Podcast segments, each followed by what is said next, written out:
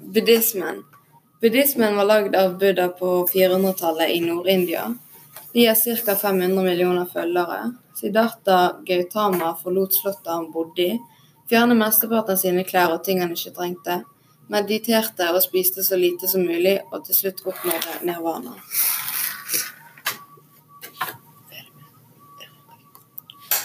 Kristendommen er en monotistisk religion og den største av verdensreligionene. Den oppstår rundt 300, den oppstår rundt år 300 i området hvor dagens Israel ligger, og har bredt seg over hele verden. Kristendommen har i dag 2,2 milliarder tilhengere og er en betydelig religion på alle verdens kontinenter. I Europa og i Amerika er kristendommen den dominerende religionen.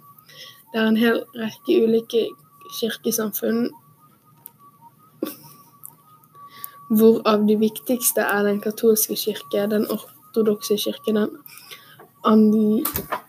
angliganske kirke og den protestantiske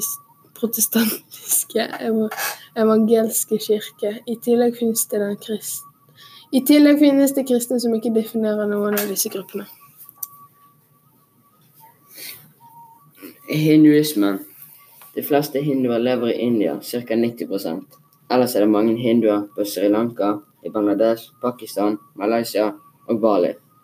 På, eh, på Trinidad og Maritius og Fiji. I flere land i Afrika og i England ca. 400 000. Og i USA ca. 1 million.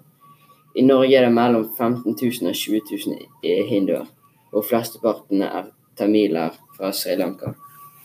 Jødedommen. Det bor ca. 14-15 millioner jøder i verden i dag. 5 millioner i Israel og i USA. Andre land med mange jøder er Frankrike, Canada, Storbritannia, Russland, Tyskland, Argentina, Brasil, Australia og Sør-Afrika. I Norge bor det ca. 1000 mennesker som er jøder.